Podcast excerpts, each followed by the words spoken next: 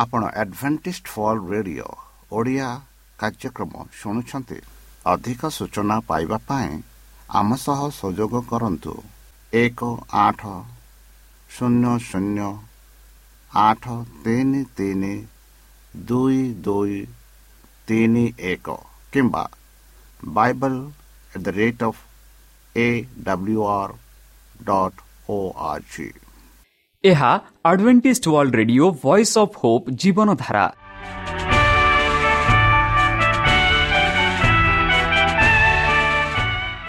Odia radio କାର୍ଯ୍ୟକ୍ରମ ଯାହା ଆମର ଆନ୍ତର୍ଜାତୀୟ ଆଘାତ କେନ୍ଦ୍ରରୁ ପ୍ରସାରଣ କରାଯାଉଛି ପ୍ରତିଦିନ ରାତି ନଅଟା ତିରିଶ ମିନିଟ୍ରେ।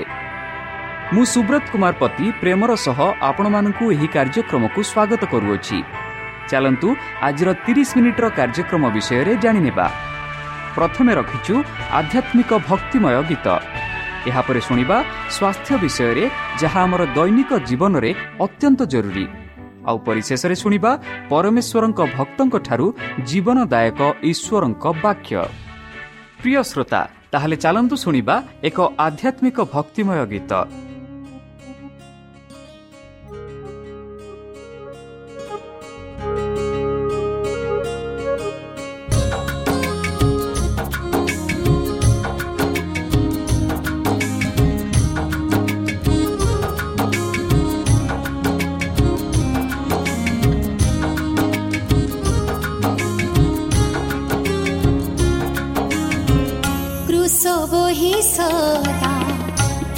भी प्रभु দেখাও গো পথ তুম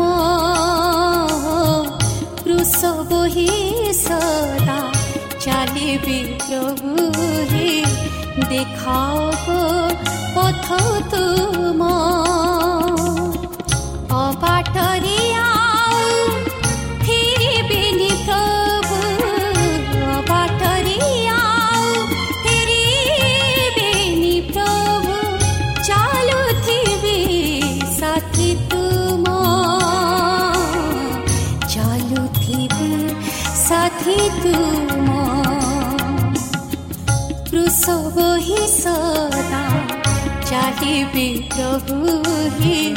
देखाओ पथ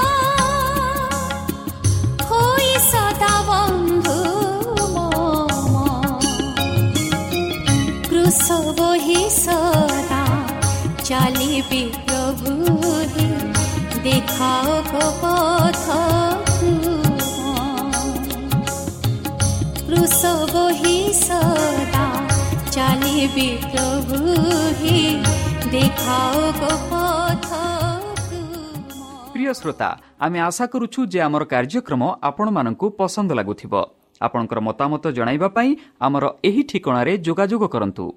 ଆମ ଠିକଣା advantage media centre SDA mission compound Salisbury park Pune ଚାରି ଏକ ଏକ ଶୂନ ତିନି ସାତ ମହାରାଷ୍ଟ୍ର। ବା ଖୋଲନ୍ତୁ ଆମର ୱେବସାଇଟ୍ ଯେକୌଣସି android phone smartphone desktop laptop କିମ୍ବା ଟ୍ୟାବ୍ଲେଟ୍ ଆମର website W W W dot A W R dot O R I ଏବଂ W W W dot advantage media centre India dot O R G ବର୍ତ୍ତମାନ ଚାଲନ୍ତୁ ଶୁଣିବା ଈଶ୍ୱରଙ୍କ ଭକ୍ତଙ୍କଠାରୁ ଈଶ୍ୱରଙ୍କ ଜୀବନଦାୟକ ବାକ୍ୟ। ମହାକାଶରେ ଏକ ବିରାଟ ସହର। ନମସ୍କାର ପ୍ରିୟ ଶ୍ରୋତା। ସେହି ସର୍ବଶକ୍ତି ସର୍ବଜ୍ଞାନୀ ପ୍ରେମର ସାଗର ଦୟାମୟ ଅନ୍ତର୍ଜମୀ ଅନୁଗ୍ରହ। ପରମ ପିତାଙ୍କ ମଧୁର ନାମରେ ମୁଁ ପାଷ୍ଟ ପୂର୍ଣ୍ଣ ଚନ୍ଦ୍ର ଆଉ ଥରେ ଆପଣମାନଙ୍କୁ ଏହି କାର୍ଯ୍ୟକ୍ରମରେ ସ୍ୱାଗତ କରୁଅଛି। ସେହି ସର୍ବଶକ୍ତି ପରମେଶ୍ୱର ଆପଣମାନଙ୍କୁ ଆଶୀର୍ବାଦ କରନ୍ତୁ। ଆପଣଙ୍କୁ ସମସ୍ତ ପ୍ରକାର ଦୁଃଖ କଷ୍ଟ ବାଧା କ୍ଲେଶ ଓ ରୋଗରୁ ଦୂରେଇ ରଖନ୍ତୁ। ଶତ୍ରୁ ସଚେତନ ହସ୍ତରୁ ସେ ଆପଣଙ୍କୁ ସୁରକ୍ଷାରେ ରଖନ୍ତୁ। ତାହାଙ୍କ ପ୍ରେମ ତାହାଙ୍କ ସ୍ନେହ ତାହାଙ୍କ କୃପା ତାହାଙ୍କ ଅନୁଗ୍ରହ ସଦାସର୍ବଦା ଆପଣଙ୍କଠାରେ ସହବର୍ତ୍ତୀ ରହୁ। ପ୍ରିୟସତା ଚାଲନ୍ତୁ ଆଜି ଆମ୍ଭେମାନେ କିଛି ସମୟ ସେହି ପରମେଶ୍ୱରଙ୍କ ଜୀବନଦାୟକ ବାକ୍ୟ ଧ୍ୟାନ କରିବା। ଆଜିର ଆଲୋଚନା ହେଉଛି ମହାକାଶରେ ଏକ ବିରାଟ ସହର ଭାଗ ଏକ। ବନ୍ଧୁ କୌଣସି ଖାଲ ଟ୍ରାଫିକ୍ ପ୍ରଶୋଷଣ କିମ୍ବା କୌଣସି ପ୍ରକାରର ଅପରାଧ ବିନା ତୁମର ପ୍ରିୟ ସହର କିମ୍ବା ସହରକୁ କଳ୍ପନା କର ବା ଅସମ୍ଭବ ହୋଇପାରେ ବାଇବଲରେ ସୁନା ସହିତ ରାସ୍ତାଘାଟ ଥିବା ସହର ବିଷୟରେ କୁହାଯାଇଅଛି ଏବଂ ଏହାର ଉଚ୍ଚ କାନ୍ଥ ଗୁଡ଼ିକ ଶୁଦ୍ଧ ଜଳ ପର୍ବେ ନିର୍ମିତ ସେଠାରେ ଜଣେ ବ୍ୟକ୍ତି କାଶ ଚିକିଙ୍କା ଚିକିବା କିମ୍ବା ଥଣ୍ଡା ସହିତ ଓହଲାଇବା ନାହିଁ। ସମସ୍ତେ ସମ୍ପୂର୍ଣ୍ଣ ସ୍ୱାସ୍ଥ୍ୟରେ ରହିବେ ଏବଂ ପରସ୍ପର କମ୍ପାନୀକୁ ଉପଭୋଗ କରିବେ। ଆପଣ ଏହି ସହର ପରିଦର୍ଶନ କରିବାକୁ ଚାହୁଁଛନ୍ତି କି? ଠିକ୍ ଆପଣ କେବଳ ପରିଦର୍ଶନ କରିପାରିବେ ନାହିଁ। ଆପଣ ସେଠାରେ ରହିପାରିବେ। କିପରି ଜାଣିବା ପାଇଁ ଚାଲନ୍ତୁ ଏଇ ମହାକାଶର ଏକ ବିରାଟ ସହର ବିଷୟରେ ଆମେ ଆଲୋଚନା କରିବା। ବନ୍ଧୁ ଏହି ଅବିସ୍ମରଣୀୟ ସହରର ସ୍ଥାପିତ ଏବଂ ନିର୍ମାଣକାରୀ କିଏ ଥିଲା ତାହେଲେ? ଯଦି ଆମେ ପବିତ୍ର ଶାସ୍ତ୍ର ବାଇବଲ ପଢ଼ିବା ସେଠି ଆମମାନଙ୍କୁ ସାଧୁ ପାଉଲ ଏହିପରି ଲେଖନ୍ତି ଏଭ୍ରି ଏଗାର ଷୋହଳରେ କି ଈଶ୍ୱର ସେମାନଙ୍କ ପରମେଶ୍ୱର ବୋଲି କହିବା ପାଇଁ ଲଜ୍ଜିତ ନୁହେଁ କାରଣ ସେ ସେମାନଙ୍କ ପାଇଁ ଏକ ନଗର ପ୍ରସ୍ତୁତି କରୁଛନ୍ତି। ବନ୍ଧୁ ବାଇବଲ କୁହେ ଯେ ଈଶ୍ୱର ତାଙ୍କ ଲୋକଙ୍କ ପାଇଁ ଯେଉଁମାନେ ତାଙ୍କଠାରେ ବିଶ୍ୱାସ କରୁଛନ୍ତି ଯେଉଁମାନେ ତାଙ୍କ ଆଜ୍ଞାରେ ଚାଲୁଛନ୍ତି ଯେଉଁମାନେ ତାଙ୍କ ବାକ୍ୟରେ ମାନି ରହିଛନ୍ତି ସେମାନଙ୍କ ପାଇଁ ଏକ ଅଦ୍ଭୁତ ଏବଂ ବିଶାଳ ସହର ନିର୍ମାଣ କରୁଛନ୍ତି ବୋଲି ପବିତ୍ର ଶାସ୍ତ୍ର ବାଇବଲ ମାନଙ୍କୁ କହୁଅଛି। ଏବଂ ଏହା ଦୁନିଆର ଅନ୍ୟ ସହର ପରି ପ୍ରକୃତ ଅଟେ। ବନ୍ଧୁ ଏହି ଯେଉଁ ଆଶ୍ଚର୍ଯ୍ୟଜନକ ସହର କେଉଁଠାରେ ଅଛି ତାହେଲେ? ଯଦି ଆମେ ଦେଖିବା ପ୍ରକାଶିତ ବାକ୍ୟ ଏକୋଇଶ ଦୁଇରେ ଆମେ ଦେଖୁଅଛୁ ଜହନ ସେ କହନ୍ତି ଏଇ ଯେଉଁ ବିଶାଳ ଏଇ ଯେଉଁ ଆଶ୍ଚର୍ଯ୍ୟଜନକ ସହର କେଉଁଠାରେ ଅଛି ତାହା ସେ ଦର୍ଶନ କରୁଛନ୍ତି? ସେ କହନ୍ତି ତାପରେ ମୁଁ ଜହନ ପବିତ୍ର ନଗର ନୂତନ ଜେନୁସାଲମ ଈଶ୍ୱରଙ୍କ ଠାରୁ ସ୍ୱର୍ଗରୁ ଓହ୍ଲାଇବାର ଦେଖିଲି ବୋଲି। ଦେଖନ୍ତୁ କେତେ ସୁନ୍ଦର ଭାବରେ ସେ କହୁଛନ୍ତି କି ତାପରେ ମୁଁ ଜହନ ପବିତ୍ର ନଗର ନୂତନ ଜେରୁସାଲମ ଈଶ୍ୱରଙ୍କ ଠାରୁ ସ୍ୱର୍ଗରୁ ଓହ୍ଲାଇବାର ଦେଖିଲି ବୋଲି ସେ କହନ୍ତି ପ୍ରକାଶିତ ତାର ପ୍ରକାଶିତ ବାକ୍ୟ ଏକୋଇଶ ଦୁଇରେ। ହେ ପ୍ରଭୁ ମୋର ପରମେଶ୍ୱର ସ୍ୱର୍ଗରେ ତୁମ ବାସସ୍ଥାନ ଏହିପରି ପ୍ରଥମ ରାଜା ଆଠ ଅଠାଇଶ ତିରିଶରେ ଆମେ ଦେଖୁଅଛୁ ଯେବେ ସେହି ସମୟରେ ଆମେ ଦେଖୁ ଯେବେ ସେହି ରାଜା ସେହି ମନ୍ଦିରକୁ ସ୍ଥାପିତ କଲେ ପ୍ରଭୁଙ୍କ ପାଇଁ ଆଉ ସେତେବେଳେ ସେ ପ୍ରାର୍ଥନା କଲେ ହେ ପ୍ରଭୁ ମୋ ପରମେଶ୍ୱର ସ୍ୱର୍ଗରେ ତୁମର ବାସସ୍ଥାନ ଆଉ ସେ ସ୍ୱର୍ଗରୁ ମୋର ପ୍ରାର୍ଥନା ଶୁଣ ମୋ କଥା ଶୁଣ ମୋ ଗୁହାର ଶୁଣ ବୋଲି ସେ କରିଥିଲେ ବୋଲି ଆମେ ଦେଖୁଅଛୁ। ଏହି ମୁହୂର୍ତ୍ତରେ ପବିତ୍ର ସହର ବର୍ତ୍ତମାନ ସ୍ୱର୍ଗରେ ନିର୍ମାଣାଧୀନ ଅଛି ବନ୍ଧୁ। ବାଇବଲ ଏହି ଆଶ୍ଚର୍ଯ୍ୟଜନକ ସହରକୁ କିପରି ବର୍ଣ୍ଣନା କରେ ତାହେଲେ? ବନ୍ଧୁ ଏହିପରି ବାଇବଲ ବର୍ଣ୍ଣନା କରେ ଯେ ଏହି ସହରର ନୂତନ ଜେରୁସାଲମ କୁହାଯାଏ। ଆଉ ପ୍ରକାଶିତ ବାଇଶ ଏକୋଇଶ ଦୁଇରେ ଆମେ କିପରି ବର୍ଣ୍ଣନା କରାଯାଉଛି ତାହାର ଉତ୍ତର ଆମେ ପାଉଛୁ କି ଏହି ଯେଉଁ ସହରକର ନାମ ଜେରୁସାଲମ ନୂତନ ଜେରୁସାଲମ ବୋଲି କୁହାଯାଉଛି। ଆଉ ଏହାର ଆକାର ତାର ନାମ ଆହୁରି ଏହାର ଆକାର ବିଷୟରେ କହୁଛି ତାର ଆକାର କେମିତି ଥିବ? ସହରଟି ଏକ ବର୍ଗ ପରି ରଖାଯାଇଛି। ଏହାର ଲମ୍ବ ପ୍ରସ୍ତ ପରି ମହାନ ଅଟେ ଏବଂ ସେ ନଳ ସହିତ ନଗରକୁ ମାପିଲେ। ବାର ହଜାର ଫୁରଲଙ୍ଗ। ପ୍ରକାଶିତ ବାକ୍ୟ ଏକୋଇଶ ଷୋହଳରେ ଆମେ ଦେଖାଉଛୁ ସହରଟି ସମ୍ପୂର୍ଣ୍ଣ ବର୍ଗ ଅଟେ। ଏହାର ପରିସୀମା ବାର ହଜାର ଫରଲଙ୍ଗ ଏକ ହଜାର ପାଞ୍ଚଶହ ମାଇଲ ସହିତ ସମାନ। ଏହାର ଉତ୍ତର ପାଚରେ ତିନିଶହ ପଚସ୍ତରୀ ମାଇଲ ଲମ୍ବା। ତାହା ହେଉଛି ଏହି ସହରର ଆକାର। ତାହେଲେ ଏହାର କାନ୍ଥ କେମିତି ଅଛି ବନ୍ଧୁ? ଦୂତମାନେ ମାପ ବ୍ୟବହାର କରି କାନ୍ଥ ମାପିଲେ ଏବଂ ଏହାର ମୋଟରେ ଏକଶହ ଚଉରାଳିଶ ହାତ ଥିଲା। କେତେ ଥିଲା? ଏକଶହ ଚଉରାଳିଶ ହାତ ଥିଲା। ସେ କାନ୍ଥର ମୋଟା ବା ମାପ। କାନ୍ଥଟି କାଚ ସ୍ୱରେ ତିଆରି ହୋଇଥିଲା। ଦେଖନ୍ତୁ ବନ୍ଧୁ ଏ କାନ୍ଥଟା କାଚ ସ୍ୱରରେ ତିଆରି ହୋଇଥିଲା ବୋଲି ପ୍ରକାଶିତ ବାକ୍ୟ ଏକୋଇଶ ସତର ଅଠର ଆମେ ଦେଖୁଛୁ। ଏକ ହଜାର ଚଉରାଳିଶ ହତ ଉଚ୍ଚରେ ଠିଆ ହୋଇଥିବା ଏକ କାନ୍ଥ ଏହାର ଉତ୍ତର ଉଚ୍ଚତା ହେଉଛି ଦୁଇଶହ ଷୋହଳ ଫୁଟ ଲମ୍ବା କାନ୍ଥ କଠିନ ଜସ୍ପର୍ସ ନିର୍ମିତ ବର୍ଣ୍ଣନା ବାହାରେ ଏକ ଉଜ୍ଜଳତା ଏବଂ ସୌନ୍ଦର୍ଯ୍ୟ ସହିତ ଏହା ବିଷୟରେ ଚିନ୍ତା କର ପ୍ରାୟ କୋଡ଼ିଏଟି କାହାଣୀ ଉଚ୍ଚ ଏବଂ କଠିନ ଜାସ୍ପର ହୋଇପାରେ ବନ୍ଧୁ ଏହା ହେଉଛି କାନ୍ଥର ବର୍ଣ୍ଣନା ତାହେଲେ ତାର ପାଠକ ପାଠକ ମାନେ ଯାହା ଆମେ ଦ୍ୱାର କହୁଛୁ ବାରଟି ପାଠକ ସହିତ ଏହାର ଏକ ମହାନ ଉଚ୍ଚ କାନ୍ଥ ଥିଲା କେତୋଟି ବାର ଫାଟକ ବାରଟି ଫାଟକ ପୂର୍ବରେ ତିନୋଟି ଫାଟକ ଉତ୍ତରରେ ତିନୋଟି ଫାଟକ ଦକ୍ଷିଣରେ ତିନୋଟି ଫାଟକ ଏବଂ ପଶ୍ଚିମରେ ପଶ୍ଚିମରେ ତିନୋଟି ଫାଟକ ଥିଲା। ବାର ଫାଟକ ବାରଟି ମତିରେ ପ୍ରସ୍ତୁତ ହୋଇଥିଲା। ପ୍ରତ୍ୟେକ ଫାଟକ ଗୋଟିଏ ମତିରେ ନିର୍ମିତ ହୋଇଥିଲା। ଗୋଟିଏ ମତିରେ ନିର୍ମିତ ହୋଇଥିଲା। ପ୍ରକାଶିତ ଏକୋଇଶ ବାଇଶ ଏକୋଇଶ ବାର ତେର ଆଉ ଏକୋଇଶରେ ଆମେ ଦେଖୁଅଛୁ। ତାହେଲେ ତାର ମୂଳ ଦ୍ୱାର ଯାହାକି ଆମେ ଇଂରାଜୀରେ କହୁଛୁ ଫାଉଣ୍ଡେସନ ନଗରର କାନ୍ଥର ବାରଟି ମୂଳ ଦ୍ୱାର ଥିଲା। କେତୋଟି ଥିଲା? ବାର ବାରଟି ମୂଳ ଦୁଆ ଥିଲା। ପ୍ରତ୍ୟେକ ପ୍ରକାରର ମୂଳ ବାନ ପଥରରେ ସଜା ଯାଇଥିଲା। ମୂଲ୍ୟବାନ ପଥରରେ ମୂଲ୍ୟ ବହୁ ମୂଲ୍ୟବାନ ପଥରରେ ଏଇ ଯେଉଁ ମୂଳଦୁଆ ସଜାଇ ଯାଇଥିଲା। ପ୍ରଥମ ମୂଳଦୁଆ ଥିଲା ଜାସ୍ଫର ଦ୍ୱିତୀୟ ଥିଲା ନୀଳମଣି।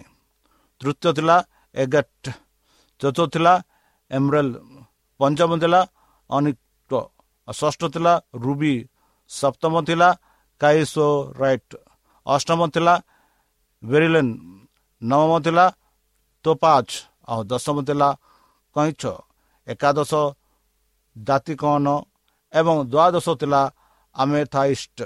ଏହିପରି ବାର ମତିରେ ଏ ଯେଉଁ ବାର ନଗରର କାନ୍ତ ମୂଳଦୁଆ ପ୍ରସ୍ତୁତ ହୋଇଥିଲା। ପ୍ରସ୍ତୁତ ହୋଇଥିଲା। ଏହିପରି ଯଦି ଆମେ ଦେଖିବା ପ୍ରକାଶିତ ଏକୋଇଶ ତାର ଚଉଦ ଉଣେଇଶ ଆଉ କୋଡ଼ିଏ। ଆଉ ଏଇ ଯେଉଁ ସହରର ବାରଟି ପୂର୍ଣ୍ଣ ସମ୍ପୂର୍ଣ୍ଣ ଭିତ୍ତିମୂଳ ଅଛି। ପ୍ରତ୍ୟେକଟି ମୂଲ୍ୟବାନ ପତ୍ରରେ ନିର୍ମିତ। ଇନ୍ଦ୍ରଧନୁର ପ୍ରତ୍ୟେକ ରଙ୍ଗ ଉପସ୍ଥିତି ହୋଇଛି।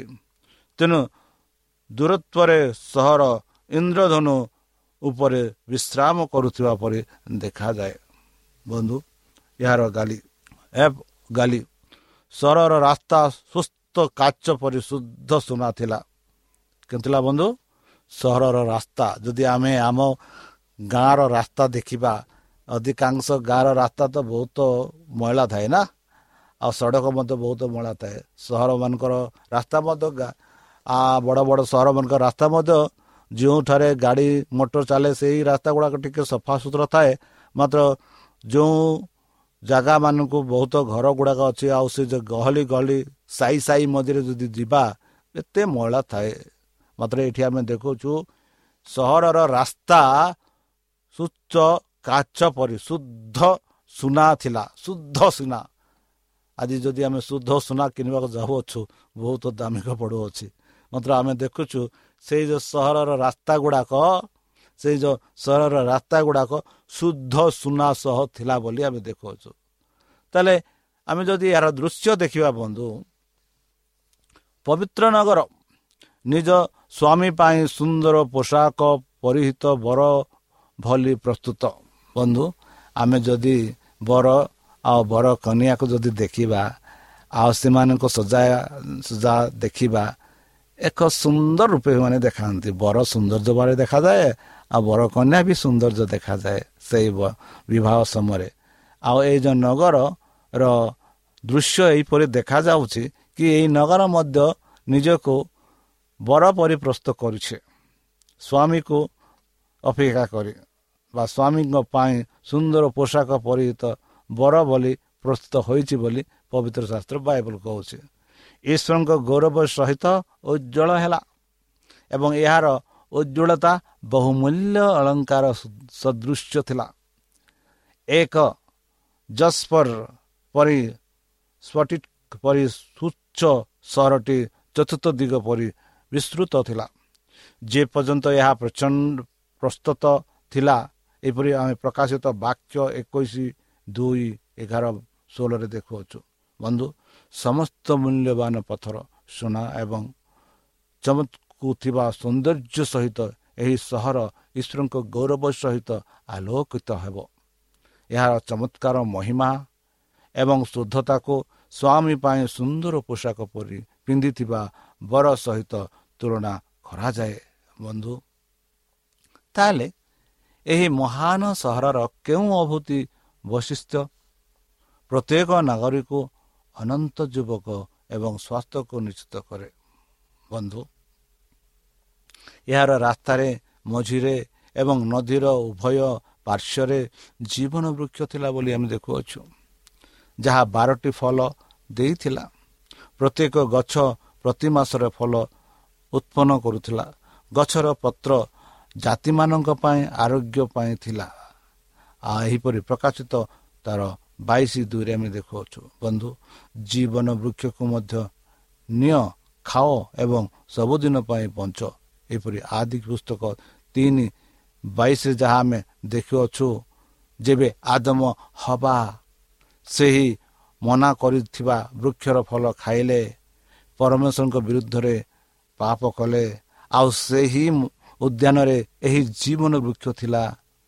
ଆଉ ବର୍ତ୍ତମାନ ଯେତେ ଲୋକ ସେହି ସ୍ୱର୍ଗରାଜକୁ ଯିବେ ଆମେ ଯେବେ ସେ ସ୍ୱର୍ଗରାଜକୁ ଯିବା ସେତେବେଳେ ଆମେମାନେ ସମସ୍ତେ ଏହି ଜୀବନ ବୃକ୍ଷକୁ ମଧ୍ୟ ନେବା ଖାଇବା ଆଉ ସବୁଦିନ ପାଇଁ ବଞ୍ଚି ରହିବା। ଆଦମ ହବା ସେହି ପ୍ରାଥମରେ ସେହି ଯେଉଁ ସୁଯୋଗ ହରାଇଥିଲେ ପରମେଶ୍ୱରଙ୍କ ସହ ରହିବା ପାଇଁ ମାତ୍ର ବର୍ତ୍ତମାନ ଯେ କେହି ତାଙ୍କଠାରେ ବିଶ୍ୱାସ କରେ ଯେ କେହି ତାଙ୍କ ବାକ୍ୟରେ ବିଶ୍ୱାସ କରେ ତାଙ୍କ ଆଜ୍ଞା ମାନେ ପାପ ସ୍ୱୀକାର କରେ ଆଉ ସେମାନେ ସମସ୍ତେ ତାଙ୍କ ଅନୁଗ୍ରହ ଦ୍ୱାରା ସ୍ୱର୍ଗରାଜକୁ ପ୍ରବେଶ କରିବେ। ଆଉ ଯେବେ ସେମାନେ ସ୍ୱର୍ଗରାଜ ପ୍ରବେଶ କରିବେ ସେମାନେ ଏହି ଜୀବନ ବୃକ୍ଷର ଫଳ ଖାଇବେ ଆଉ ସବୁଦିନ ପାଇଁ ବଞ୍ଚି ରହିବେ। କ'ଣ ଆପଣମାନେ ସବୁଦିନ ପାଇଁ ବଞ୍ଚି ରହିବା ପାଇଁ ଇଚ୍ଛା କରୁଛନ୍ତି କି ବନ୍ଧୁ? ତାହେଲେ ଏହା ହେଉଛି ସୁବର୍ଣ୍ଣ ସୁଯୋଗ। ଯୀଶୁଙ୍କଠାରେ ବିଶ୍ୱାସ କରିବା। ବନ୍ଧୁ ଜୀବନ ବୃକ୍ଷ ବାରଟି ପ୍ରକାରର ଫଳ ଦେଇଥିଲା। ମାନେ ପ୍ରତି ମାସରେ ଗୋଟିଏ ପ୍ରକାର ଫଳ ଦେଉଥିଲା। ସହରର ମଧ୍ୟଭାଗରେ ଏଇ ଯେଉଁ ବୃକ୍ଷ ଥିଲା ଏହା ଏବଂ ଏହା ଖାଉଥିବା ସମସ୍ତଙ୍କ ପାଇଁ ଅନନ୍ତ ଜୀବନ ଏବଂ ଯୁବକ ଆଣିଥିଲା। ମାନେ ସେହି ସ୍ୱର୍ଗରାଜରେ କୌଣସି ବୃଦ୍ଧା ବ୍ୟକ୍ତି ଆମେ ଦେଖିପାରିବା ନାହିଁ ବୁଢ଼ା ଦେଖିପାରିବା ନାହିଁ। ସମସ୍ତେ ଯୁବକରେ ପରିଣତ ହେବେ। ସମସ୍ତେ ଯୌବନ ରୂପରେ ସେମାନେ ପରିଣତ ହେବେ। ଆଉ ବୁଢ଼ା କି ନଥିବେ ସମସ୍ତେ ଯୁବକ ଥିବେ ବୋଲି ଆମେ ଦେଖାଉଛୁ ଏପରିକି ଏହାର ପତ୍ରରେ ଚମତ୍କାର ସ୍ଥାୟୀ ଗୁଣ ରହିଅଛି। ମାନେ ଏଇ ଯେଉଁ ପତ୍ର ଯେ ଏଇ ଯେଉଁ ବାରଟି ଗଛର ବାରଟି ବୃକ୍ଷର ପତ୍ରରେ ମଧ୍ୟ ଚମତ୍କାର ସ୍ଥାୟୀ ଗୁଣ ରହିଅଛି ବୋଲି ଆମେ ଦେଖାଉଛୁ ଆଉ ଏହି ଗଛ ପ୍ରତି ମାସରେ ଏକ ନୂତନ ଫସଲ ଆଣିଥାଏ। ବନ୍ଧୁ ସେଇ ଯ ସରଗ ସେଇ ଯ ସ୍ୱର୍ଗ ଯାହାକି ସାଧୁମାନଙ୍କ ପାଇଁ ପ୍ରସ୍ତୁତ କରାଯାଇଅଛି ଯାହାକି ତାଙ୍କଠାରେ ବିଶ୍ୱାସ କରୁଛନ୍ତି ସେମାନଙ୍କ ପାଇଁ ପ୍ରସ୍ତୁତ କରାଯାଇଅଛି କାରଣ ଆପଣମାନେ ସେଇ ଯୀଶୁଖ୍ରୀଷ୍ଟଙ୍କଠାରେ ବିଶ୍ୱାସ କରୁଛନ୍ତି କି ଏହା ସତ୍ୟ ଯେ ଏହି ଆଶ୍ଚର୍ଯ୍ୟଜନକ ସହର ଏହି ପୃଥିବୀକୁ ଓହ୍ଲାଇବ ଏହା ସତ୍ୟ ସେହି ଆଶ୍ଚର୍ଯ୍ୟଜନକ ପୃଥିବୀ ଯାହା ଆମେ ବର୍ତ୍ତମାନ ଦେଖିସାରିଛୁ ସେହି ଆଶ୍ଚର୍ଯ୍ୟଜନକ ପୃଥିବୀ ଏହି ପୃଥିବୀକୁ ଆସିବ ଓହ୍ଲାଇବ। ତାହେଲେ ଏହି ପୃଥିବୀକୁ ଯେବେ ଓହ୍ଲାଇବେ ଓହ୍ଲାଇବ ସେଇ ଯେଉଁ ଆଶ୍ଚର୍ଯ୍ୟଜନକ ସହରରେ କିଏ ପ୍ରବେଶ କରିପାରିବ? ଯେପରି ଜହନ ପ୍ରକାଶିତ ବାକ୍ୟ ଏକୋଇଶ ଦୁଇରେ ଦେଖନ୍ତି ତାପରେ ମୁଁ ଜହଣ ପବିତ୍ର ନଗର ନୂତନ ଜୋରିସାଲାମ ଈଶ୍ୱରଙ୍କ ଠାରୁ ସ୍ୱର୍ଗରୁ ଓହ୍ଲାଇଥିବା ଦେଖିଲି। ତାଙ୍କ ସ୍ୱାମୀଙ୍କ ପାଇଁ ସୁଜଚିତ ବର ଭାବରେ ପ୍ରସ୍ତୁତ। ଦେଖନ୍ତୁ ବନ୍ଧୁ କିପରି ସୁନ୍ଦର ଭାବରେ ସେ ଯେଉଁ ସ୍ୱର୍ଗୀୟ ସହର ସେ ଯେଉଁ ନୂଆ ଜେରୁସାଲେମ ବର ଯେପରିକି ନିଜକୁ ପ୍ରସ୍ତୁତ କରିଥାଏ ବର କନ୍ୟା ସହିତ ଭେଟିବା ପାଇଁ ସେହିପରି ଆମେ ଦେଖୁଅଛୁ ସେହି ନୂତନ ଜେରୁସାଲାମ ନିଜକୁ ସଜାଇ ଅଛି ବୋଲି ଜହନ ଲେଖକ ଲେଖୁଛନ୍ତି କହୁଛନ୍ତି। ନମ୍ର ଲୋକମାନେ ଧନ୍ୟ କାରଣ ସେମାନେ ପୃଥିବୀରେ ଉତ୍ତାରିକାରୀ ହେବେ ମାଥ୍ୟ ପାଞ୍ଚ ପାଞ୍ଚରେ ଆମେ ପାଉଛୁ ଧାର୍ମିକ ମାନେ ଧନ୍ୟ ପୃଥିବୀରେ ପୁରସ୍କାର ପାଇବେ ବୋଲି ହିତ ପ୍ରଦେଶ ଏଗାର ଏକୋଇଶରେ ଆମେ ଦେଖୁଛୁ ବନ୍ଧୁ କିଏ ସ୍ୱର୍ଗ ରାଜ୍ୟକୁ ପ୍ରବେଶ କରିବେ ଯେଉଁ ଲୋକମାନେ ନମ୍ର ଯେଉଁ ଲୋକମାନେ ଧାର୍ମିକ କାମ କରନ୍ତି ଯେଉଁ ଲୋକମାନେ ନିଜକୁ ନମ୍ର କରନ୍ତି ସଦାପ୍ରଭୁଙ୍କ ଠାରେ ସେମାନେ ସ୍ୱର୍ଗରାଜ ଅଧିକାର କରିବେ ସେମାନେ ସେ ପୃଥିବୀରେ ପୁରସ୍କାର ପାଇବେ ବୋଲି ଆମେ ଦେଖୁଅଛୁ ହଁ ବନ୍ଧୁ ପୃଥିବୀର ନୂତନ ରାଜଧାନୀ ହେବାକୁ ଏହି ମହାନ ପବିତ୍ର ସହର ଏହି ଗ୍ରହକୁ ଓହ୍ଲାଇବ। ସମସ୍ତ ସଞ୍ଚିତ ବ୍ୟକ୍ତିଙ୍କ ଏହି ସହରରେ ଏକ ଘର ରହିବ। ସମସ୍ତେ ସେହି ସହରରେ ବାସ କରିବେ। ବନ୍ଧୁ ତାହେଲେ ପାପ ଏବଂ ପରିତ୍ରାଣକାରୀଙ୍କ ସହିତ କ'ଣ ହେବ? ମାଲାକି ଚାରି ଏକରେ ଆମେ ଦେଖୁଅଛୁ ସମସ୍ତ ଗର୍ଭୀ ହଁ ଯେଉଁମାନେ ଦୁଷ୍ଟ କାର୍ଯ୍ୟ କରନ୍ତି ସେମାନେ ନଡ଼ା ହେବେ ଏବଂ ଆସୁଥିବା ଦିନ ସେମାନଙ୍କୁ ଜାଳିଦେବ ଏହିପରି ମାଲାକି ଚାରି ଏକରେ ଆମେ ଦେଖୁଅଛୁ। ଉତ୍ପାଦନ ଗୁଡ଼ିକ ପ୍ରଚଣ୍ଡ ଉତ୍ତାପତରେ ତଳିଯିବ। ପୃଥିବୀ ଓ ତହିଁର ଥିବା ସମସ୍ତ କାର୍ଯ୍ୟ ଜଳିଯିବା। ଏହିପରି ଦ୍ୱିତୀୟ ପିତର ତିନି ଦଶରେ ଆମେ ଦେଖୁଛୁ। ତୁମେ ଦୁଷ୍ଟ ଲୋକମାନଙ୍କୁ ଦଳିଦେବ କାରଣ ସେମାନେ ତୁମର ପାଦ ତଳେ ପାଉଁଶ ହୋଇଯିବେ। ମାଲାକି ତିନି ଚାରି ତିନି। ତଥାପି ଆମେ ତାଙ୍କ ପ୍ରତିଜ୍ଞା ଅନୁଯାୟୀ ନୂତନ ସ୍ୱର୍ଗ ଏବଂ ନୂତନ ପୃଥିବୀ ଖୋଜୁ ଯେଉଁଠାରେ ଧାର୍ମିକତା ବାସ କରେ ଏହିପରି ଦ୍ୱିତୀୟ ପିତର ତିନି ତେରରେ ଆମେ ଦେଖୁଛୁ। ବନ୍ଧୁ ଈଶ୍ୱର ପୃଥିବୀକୁ ପାପରୁ ପରିଷ୍କାର କରିବେ। ସେ ମଧ୍ୟ ଗଭୀର ଦୁଃଖରେ ପୃଥିବୀକୁ ପରିଷ୍କାର କରିବେ।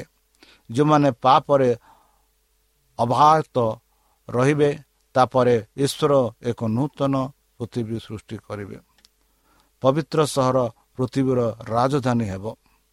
ଏଠାରେ ପରିତ୍ରାଣକାରୀମାନେ ଅନନ୍ତକାଳ ପର୍ଯ୍ୟନ୍ତ ଆନନ୍ଦ ଶାନ୍ତି ଏବଂ ପବିତ୍ରରେ ବଞ୍ଚିବେ ଈଶ୍ୱର ପ୍ରତିଜ୍ଞା କରନ୍ତି ଯେ ପାପ ଆଉ ଉଠିବ ନାହିଁ ନାହମ ଏକ ନରେ ଯଦି ଆମେ ଦେଖିବା ଏହିପରି କହନ୍ତି ବିଷୟ ନର୍କ ବିଷୟରେ ଅଧିକ ସୂଚନା ପାଇଁ ଆମେ ଆଗ ଦିନରେ ଆମେ ଦେଖିବା ଚାଲନ୍ତୁ ତାହେଲେ ଚାଲନ୍ତୁ ସେଇ ଯୀଶୁ ଖ୍ରୀଷ୍ଟଙ୍କ ଠାରେ ଆମେ ବିଶ୍ୱାସ କରିବା ସେ ଯୀଶୁ ଖ୍ରୀଷ୍ଟ ଯିଏକି ଆମମାନଙ୍କ ପାଇଁ ସେ କୃଷରେ ମୃତ୍ୟୁ ହେଲେ। ଆମମାନଙ୍କୁ ଏହି ସ୍ୱର୍ଗରାଜ ଦେବା ଦେବା ପାଇଁ ସେ ଇଚ୍ଛୁକ ଅଛନ୍ତି।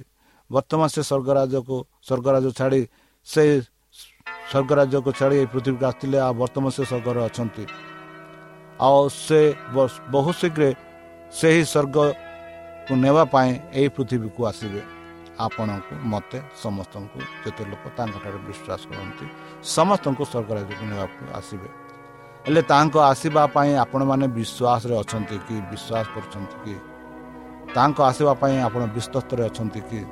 ତାହେଲେ ଚାଲନ୍ତୁ।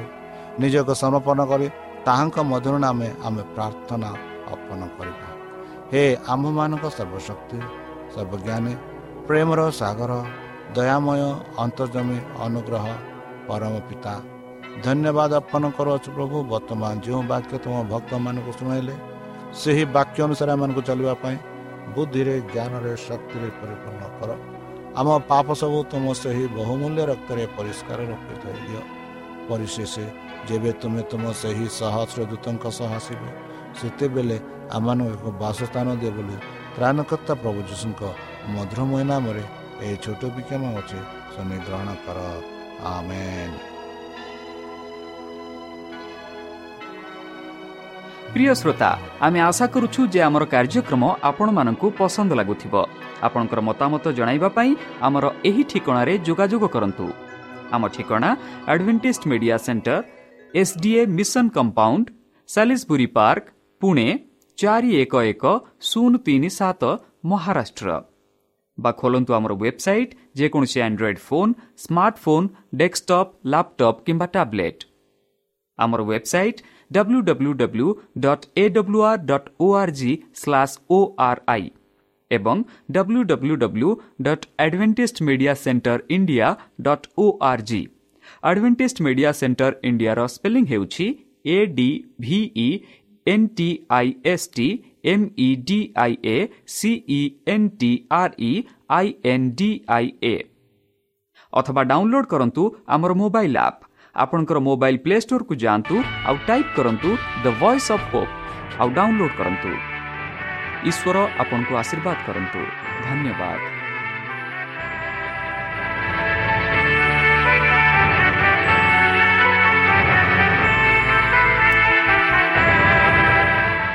ଆପଣ ଆଡଭେଣ୍ଟିସ୍ଡ ଫଲ୍ ରେଡିଓ ଓଡ଼ିଆ କାର୍ଯ୍ୟକ୍ରମ ଶୁଣୁଛନ୍ତି।